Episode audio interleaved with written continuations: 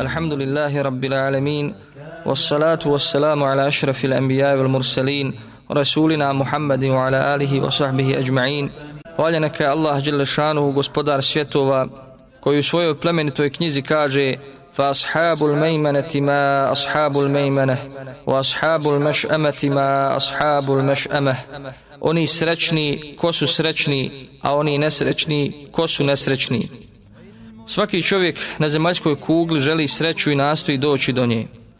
Ljudi mogu biti različiti po vjeri, po rasi, po piću i hrani ili po svojoj pripadnosti, željama i navikama. Ali postoji jedna stvar koja je svima zajednička, težnja i traganje za srećom. Vjernik i nevjernik, pošten i nepošten, svi tragaju i traže sreću. Kada bi ih upitali zašto to radite, radi čega, odgovorili bi želimo sreću. Nažalost, mnogi ljudi pogriješe put do sreće. Oni svi traže sreću, ali malo je oni koji pronađu pravi put do istinske sreće. Suštinski razlog ove teme je da se većina muslimana koji se pridržavaju vjere, a naročito islamski misionari, kada vide one koji su prividno sretni, obeshrabre se na svom putu istine. Oni se na putu prakticiranja islama susreću sa poteškoćama i iskušenjima, što je priroda ovoga puta, imaju potrebu za nekim ko će ih učvrstiti i podržati na tome. Međutim, kada vide ljude oko sebe, greškom pomisle da su sretni i da žive na vrhuncu sreće. I tada osjete slabost i posustanu na pravom putu. Šeitan mu nametne pitanje zašto i ti nisi kao i oni. Zar ne želiš da živiš u istinskoj sreći kao i oni? I tako čovjek skrene iz pravoga puta i ne znajući šta mu sve šetan priprema na njemu. Koliko je oni koji su neposredno prije smrti posrnuli i skrenuli s pravog puta, koliko je ljudi živjelo istinskom srećom kao vjernici pa su zalutali ka prividnoj sreći. Tako su izgubili sreću i na Dunjaluku i na Ahiretu. Većina ljudi traži sreću na ovom prolaznom svijetu za kojeg njegov stvoritelj subhanahu wa ta'ala kaže znajte da život na ovom svijetu nije ništa drugo do igra i razonoda i uljepšavanje i međusobno hvalisanje i nametanje imecima i brojem djece.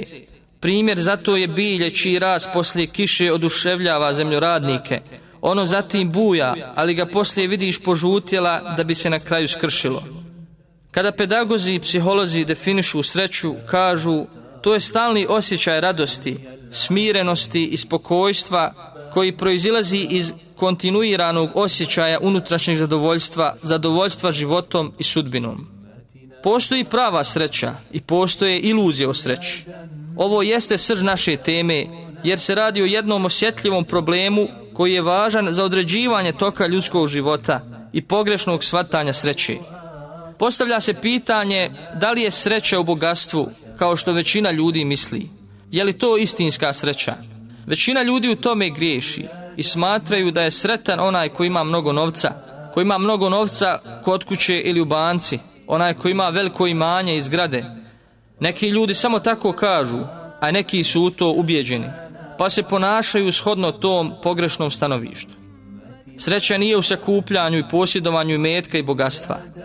Kaže pjesnik, ne smatram da je sreća u prikupljanju bogatstva, već je onaj bogobojazni pravi sretnik. U zgrtanju i metka ja ne vidim sreće, već od pobožnosti nema veće sreće. Zadržat ćemo se kod pitanja da li je istinska sreća u bogatstvu, jer je to jedno od najvažnijih pitanja vezanih za iluzije o sreći. Nema sumnje da i metak čovjeku olakšava život na ovom svijetu, ali posjedovanje metka nije istinska sreća i svrha postojanja, jer svaki bogataš nije sretan. Bogatstvo nije pokuđeno u vjeri, ali ne smije postati glavni cilj i svrha života pa da ljudi zapostave vjeru. Čovjek, iako posjeduje bogatstvo, treba da zna da je to Allahov dar, a ne plodovi njegovi sposobnosti i truda. Mnogi bogataši žive nesretni na ovom svijetu, a kamoli tek na ahiretu. Postavlja se pitanje zašto? Zato što se zamaraju sa kupljanjem imetka, njegovim čuvanjem i umnožavanjem i na kraju brigom i strahom da će ga izgubiti. Koliko je bogataša koji posjeduju milijarde, ali se boje i zabrinuti su. Odakle je ta bojazan i zabrinutost? Zašto sav taj strah? Bogataši se boje za svoje bogatstvo boje se da ne dođe do krize ili da im ga lopovi ne pokradu. Zato žive nesretni, zamišljeni, tužni, noću ne spavaju, često njihovo bogatstvo bude i uzrokom njihove propasti i smrti. Koliko je bogataša kindapovano i ubijeno, koliko bogataša ne uživa u svome bogatstvu, jer se ne mogu slobodno kretati, ne mogu putovati kako hoće, ne mogu spavati i to sve zbog svog bogatstva. Koliko je bogataša izgubilo svoj metak iz ovog ili onog razloga, pa ostatak života provode u nesreći i bijedi. Nama najbliži primjer je protekli rat, gdje su mnogi muslimani preko noći izgubili sav svoj metak, kuće, stoku, auta i sve ono što je su čitav život sticali, pa sada žive kao izbjeglice u šatorskim naseljima diljem svijeta.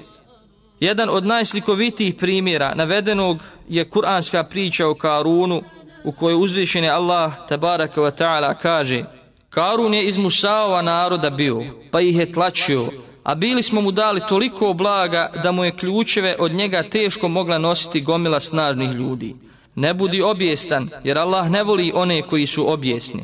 Govorili su mu ljudi iz naroda njegova. I nastoj da time što ti je Allah dao stekneš onaj svijet, a ne zaboravi ni svoj udio na ovom svijetu. I čini drugima dobro kao što je Allah tebi dobro učinio. I ne čini nered po zemlji jer Allah ne voli one koji nered čine.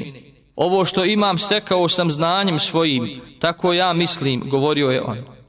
A za nije znao da je Allah prije njega već uništio neke narode koji su bili od njega jači i koji su bili više nakupili, a zločinci neće o grijesima svojim ni ispitivani biti. Iziđe on pred narod svoj u svom sjaju. Ah, da je i nama ono što je dato kao runu, govorili su oni koji su čeznuli za životom na ovom svijetu. On je uistinu presrećan. Teško vama govorili su učeni. Onome koji vjeruje i čini dobra djela bolje je Allahova nagrada, a bit će samo strpljivima pružena. I mi smo i njega i njegov dvorac u zemlju utjerali i nikoga od Allahove kazne nije mogao odbraniti, ani sam sebi nije mogao pomoći.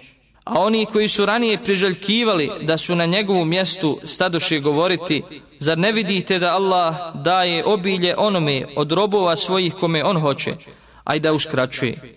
Da nam Allah nije milo svoju kazao i nas bi u zemlju utjerao. Zar ne vidite da nezahvalnici nikad neće uspjeti?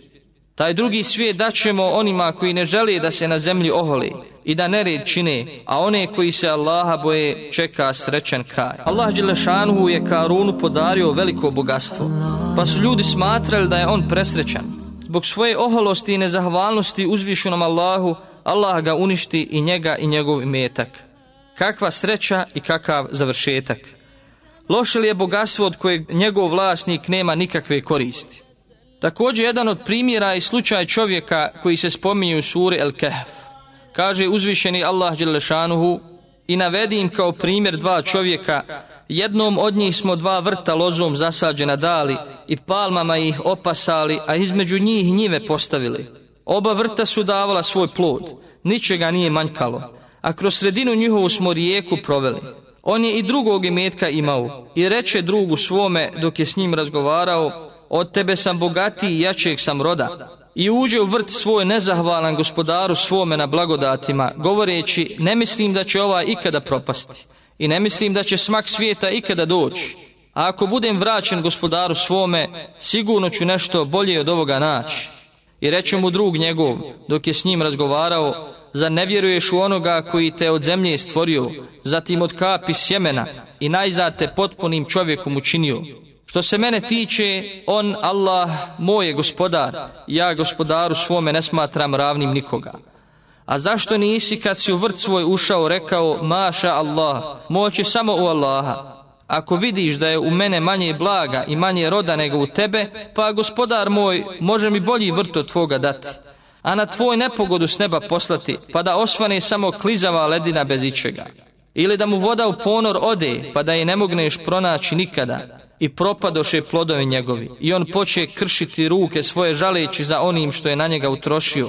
A loza se bijaše povaljala po podupiračima svojim i govoraše kamo sreće da gospodaru svome nisam smatrao ravnim nikoga. I nije imao ko bi mu mogao da pomogne osim Allaha, a sam sebi nije mogao pomoći. Tada može pomoći samo Allah istiniti, on daje najbolju nagradu i čini da se sve na najbolji način okonča. Primjer iz novije historije je priča o Kristini Onazis. Ova zanimljiva priča potvrđuje da bogatstvo, makoliko ga bilo, ne može samo po sebi biti razlogom sreće. Kristina Onazis je bila kćerka jednog poznatog grčkog milionera Onazisa, koji je posjedovao milijarde dolara, ostrva, brodove i još mnogo imanja. Ova djevojka nakon što je umrla njena majka, pa zatim otac i brat, postala je pored supruge svoga oca jedini nasljednik tog ogromnog bogatstva. Naslijedila je više od 5 milijardi dolara.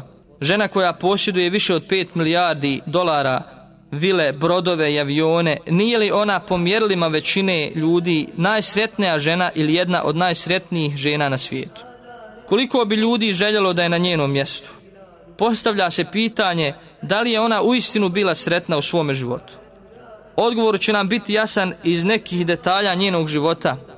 Inače, udala je se dok je još živjela sa ocem za jednog Amerikanca, s kim je živjela nekoliko mjeseci, a zatim se razvela. Nakon smrti oca udaje se za jednog Grka i taj brak je trajao nekoliko mjeseci, a onda je uslijedio razvod. Nakon dužeg perioda po treći put udaje se za ruskog komunistu. Živjela je tako godinu dana, a zatim se razvela. Na jednoj zabavi u Francuskoj novinari su je upitali da li ste vi najbogatija žena.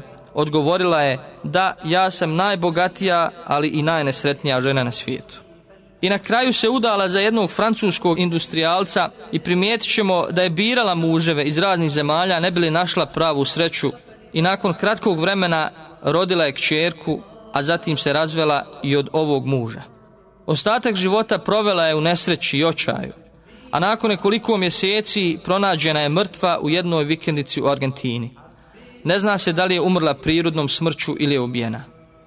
Pogledajmo primjer ove žene i upitajmo se da li joj je bogatstvo donijelo ikakvu sreću. Da li je za nju bogatstvo bilo istinska sreća? Na ovom svijetu sigurno nije, a na onom svijetu će reći Ma agna anni malije, heleke anni sultanije. Bogatstvo moje mi nije od koristi bilo, snage moje više ne. Postavlja se pitanje da li je istinska i prava sreća u slavi. Također mnogi ljudi misle da je sreća u slavi. Međutim, i slava kao i bogatstvo su prividna i lažna sreća. Vjernik nikada ne žudi za slavom na dunjalku.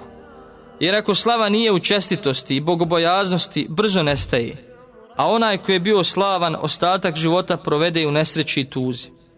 Mnogi misle da su sportaši, glumci i pjevači sretni ljudi, pa da razmotrimo njihov život i njihovu prividnu sreću. Sportaši inače većina njih živi u nesretnom životu. Život im se sastoji od stalnih putovanja, tako da im ostaje vrlo malo vremena za porodicu. Većina ih je prisiljena da napusti školu, da bi se mogli potpuno posvetiti sportu. Osim toga, pred svaku utakmicu je prisutna nervoza, potištenost. Nakon svakog poraza, povrede koje ih stalno prate, kao i strah od toga kakvo će mišljenje imati publika i novinari ako dođe do pada njihove popularnosti. I ako dođe do toga, ljudi ih veoma brzo zaborave. Dakle, makar to mnogi mislili, sreća nije ni u sportu. Da li su glumci i pjevači sretni ljudi? Njihov život je najgori život kojeg čovjek može zamisliti. Porodični neuspjeh, droga, nemoral, bestidnost i bešćašće su njihova svakodnevnica. Navešćemo primjer jednog egipatskog glumca Envera Veđdija, supruga jevrejske glumice Lejle Murad. Jedne prilike je rekao, želio bih da ima milion džunejha, pa makar se razbolio. Lejla mu je rekla, šta ti vrijedi novac ako te zadesi bolest? A on reče, jedan dio bi dao za liječenje, a sa onim preostalim bi sretno živio. Stekao je i više od milion džuneha, ali Allah Đelešanuhu mu je dao da se razboli od karcinoma jetre. Potrošio je više od milion džuneha na liječenje, ali nije našao sreću. Na kraju je umro očajan i iscrpljen bolešću. Da li je sreća u diplomi i zvanju? Možda se sreća stiče dobitkom najvećih diploma i zvanja, doktora, profesora, akademika i ostalih titula? Zasigurno ne. Evo jednog primjera o kome su pisale novine. Jedna doktorica medicine izjavljuje Uzmite moje diplome, a dajte mi muža. Ova doktorica je nesretna jer živi sama, bez muža u svojoj 30. godini. Ta doktorica kaže svako jutro u 7 sati, to je doba koje me uznemiruje i tjera na plać. Zašto? Sjedam u auto i vozim se prema svojoj ambulanti, ili bolje rečeno svom grobu, svojoj tamnici. I kada stignem tamo, zateknem žene sa djecom koje me čekaju, gledajući u moj bijeli mantil, kao da je perzijski svileni ogrtač, a on je za mene moja crnina. Sada već treća decenija moga života samo mi donosi nesreću. Uzmite moju diplomu, uzmite lažnu sreću i dajte mi da čujem riječ mama. Da li je sreća u položaju? Možda su sretni ljudi, oni na visokom položaju, kao predsjednici, ministri i ostali. Postavlja se pitanje da li su oni istinski sretnici. Naravno da nisu. Zato što je odgovornost veoma važna stvar. Veoma važna stvar na ovom svijetu i ako čovjek nije sposoban da je ispuni, onda slijedi kajanje i očaj na sudnjem danu.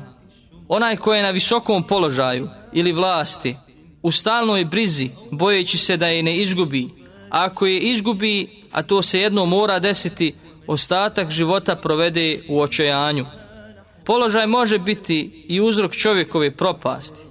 Često oni koji su na visokom položaju budu osramoćeni nakon što se otkrije da su učestvovali u nekoj aferi ili korupciji, pa do kraja života u narodu slove za lopove.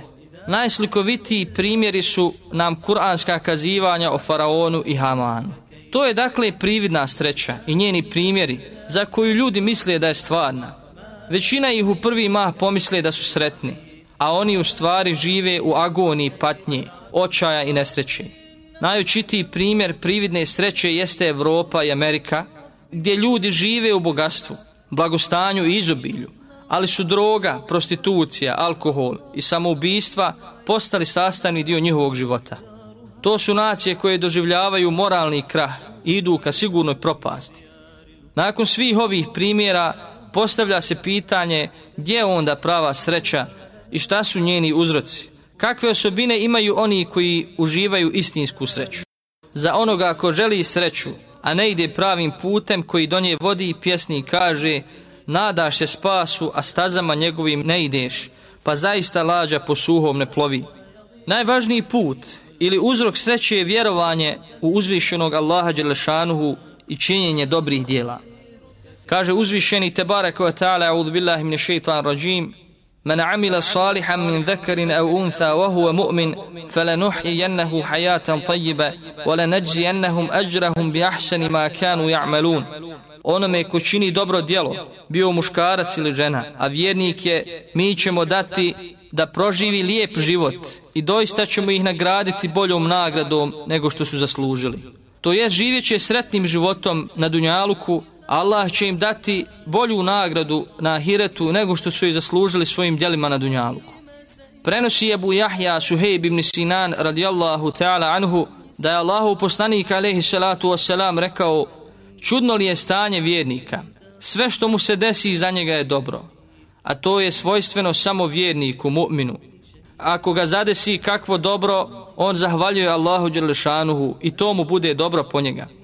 A ako ga zadesi kakva nevolja, on se strpi i opet bude dobro po njega. Hadis bilježi muslim. Poslanik sallallahu alejhi ve sellem svoj mir i zadovoljstvo je nalazio u namazu i pokornosti uzvišenom Allahu. Govorio bi Bilalu, Bilale, najavi namaz, odmori nas namazom. Hadis bilježi Ahmed je Budaud. Nažalost, danas većina ljudi traži svoj smiraj i zadovoljstvo u kafani, sa pjevačicama, u bludu i bestidnosti. A za namaza koji poslanik sallallahu alaihi wasallam kaže moja radost je u namazu, oni nemaju vremena. Navešćemo jedan živi primjer kako iman vjernicima daje osjećaj sreće u svim situacijama. Ibn Taymi rahimehullah, šejhul islam, bio je proganjan, zatvaran i mučen. I pored toga u tamnici u Damasku, u zadnjim trenucima svoje borbe i patnje kaže šta mi mogu moji neprijatelji? Kad je džennet u mojim prsima. Ako umrem, on je sa mnom. Zatvor mi je osamnjivanje sa mojim gospodarom. Ako me ubiju, to mi je šehadet. A ako me protjeraju, to mi je turizam. Drugi uzrok sreće je vjerovanje u sudbinu i Božije određenje, bilo dobro ili zlo. sve od uzvišenog Allaha subhanahu wa ta'ala. I znaj da ono što te zadesilo nije te moglo mimo ići, a ono što te mimo išlo nije te moglo ni zadesiti. Ovo je jedna od najvažnijih osobina sretnih, jer samo onaj ko vjeruje u Allaha Đelešanuhu može postići sreću. A sastavni dio imana je vjerovanje u Božiju sudbinu i određenje i zadovoljstvo onim što zadesi čovjeka. Neminovno je da čovjeka na ovom svijetu zadesi nevolja, jer je to priroda ovog života. Ako ne vjeruje u sudbinu i određenje, propašće. Primjer vjerovanja u Božiju sudbinu i određenje i njegovo uticanje na sreću čovjeka je jedan od tabiina kome su trebali da ocijeku u nogu oboljelu od gangrene. Kada je odbio da ga opiju vinom, da ne bi osjećao bol, predložio je da mu ocijeku nogu dok bude obavljao namaz, jer u namazu njegovo srce i misli su toliko vezani za Allaha da ne osjeća ništa šta se dešava oko njega. I u istinu kada je počeo sa namazom, ocijekli su mu nogu, a on se nije ni pomakao. Međutim, kada su mu stavili nogu u vrelo ulje, pao je u nesvijest. Uvečer, kada je došao sebi, ljudi su ga posjetili i izrazili mu žaljenje zbog njegove noge i njegovog sina koji je umeđu vremenu umro. On tada s potpunom predanošću i vjerovanjem u sudbinu reče Hvala Allahu, Bože, ako je to iskušenje, ozdravio sam. A ako si nešto uzeo, dao si nešto bolje i trajnije. Treći uzrok sreće je često sjećanje i spominjanje Allaha Đelešanuhu. Kaže uzvišeni Tebarak wa ta'ala Ala bi zikri Allahi tatma innul kulub A srce se doista kada se Allah spomene smiruju. Onaj ko stalno spominje Allaha Đelešanuhu živi sretan i smirenog srca, a onaj ko zaboravi uznemirenje i nesretan. Četvrti uzrok sreće je gledanje na onoga koji je ispod tebe u dunjalučkim stvarima, a u stvarima onog svijeta ili u stvarima vjere na onoga koji je iznad tebe. Kaže Allahu poslanik sallallahu alejhi ve sellem: Gledajte onoga koji je na nižem položaju od vas, a ne gledajte onoga koji je na višem položaju. To je bolje da ne biste omalovažavali Allahovu blagodat prema vama. Hadis bilježi muslim. Ovo se odnosi i na dunjalučke blagodati. Jer ako se sjetiš onoga koji je ispod tebe, spoznaćeš Allahovu blagodat prema tebi. A kada je u pitanju vjera, gledaj u onoga koji je iznad tebe, da bi saznao svoje greške i propuste. Ne gledaj kako je propao onaj ko je propao, već gledaj onoga ko se spasio, kako se spasio. Peti uzrok sreće jeste čvrsto vjerovanje da je istinska sreća vjernika na hiretu, a ne na dunjaluku. Kaže uzvišeni Allah Đelešanuhu, a srećni će u džennet, dok je nebesa i zemlje u njemu će boraviti, osim ako drug će gospodar tvoj ne odredi, bit će to dar koji će neprekidno trajati. Šesti uzrok sreće je nadanje kratkom životu, neovisnost od dunjaluku i pripremanje za smrt. Kaže šeh Abdurrahmane Sa'di, život je i onako kratak, pa ga ne skraćuju još više brigom i tugom. Navešćemo kao primjer razgovor između grupe pobožnih ljudi koji nisu bili vezani za Dunjaluk i u svakom trenutku su bili spremni za smrt. Jednog od njih upitaše, koliko se nadaš da će živjeti? Kaže, toliko se nadam da kad prinesem ustima zaloga hljeba, ne znam hoću li ga uspjeti pojesti ili ne. Postavljeno je isto pitanje i drugom, pa i ovaj odgovorio približno kao i prvi. A kada je treći upitan, rekao je, toliko se nadam da kad izađe dah iz mene, ne znam hoću li moći ponovo udahnuti ili ne. Sedmi uzrok istinske sreće jeste šerijetsko znanje ili znanje o vjeri. Oni koji posjeduju šerijetsko znanje spoznaju uzvišenog Allaha te baraka wa ta'ala. Ako spozna uzvišenog Allaha, njegovu veličinu i moć, uistinu je sretan. Spomenut ćemo jednu priču o jednom takvom učenjaku, Ebul Hasanu Az-Zahidu. Ahmed ibn Tolon je bio upravitelj Egipta, jedan od najgorih nasilnika, koji je najgorom smrću pogubio više od 18.000 ljudi, ne dajući im ni hrane ni vode. Ebul Hasan slijedeći riječi Allahu poslanika sallallahu alaihi ve sellem, najbolji džihad je reći istinu pred nepravednim vladarom, otišao je tom zalimu i rekao mu, ti nepravedno postupaš sa svojim narodom, upozorivši ga na Allahovu kaznu. Ibn Tolon se toliko rasrdi da je naredio da se dovede izgladnjeli lav i pusti na Ebul Hasana. Ali srce Ebul Hasanovo, puno imana i pouzdanja u Allaha, je učinilo njegovo držanje izvanrednim i primjerom za sve one koji žude duševnom smiraju sreći.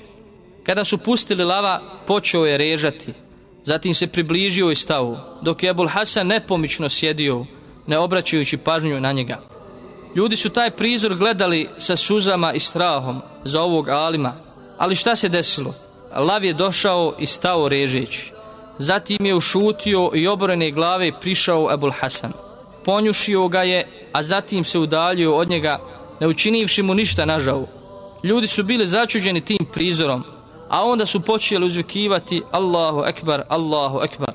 Ali šta je još čudnije od ovoga? Ibn Tolon je pozvao Ebul Hasana i upitao ga, o čemu si razmišljao dok je lav bio kod tebe, pa se nisi nimalo prestrašio i nisi obraćao pažnju na njega. On je odgovorio, pitao sam se, ako me dohvati pljuvačka lava, da li je ona čista ili nečista? Ibn Tolon ga je upitao, zar se nisi uplašio lava? Ne, odgovorio je, jer mi je Allah Đelešanu dovoljan zaštitnik. Ovo je istinska sreća koju donosi iman i korisno znanje. To je zadovoljstvo za kojim svi ljudi tragaju, ali ga malo ko postigne.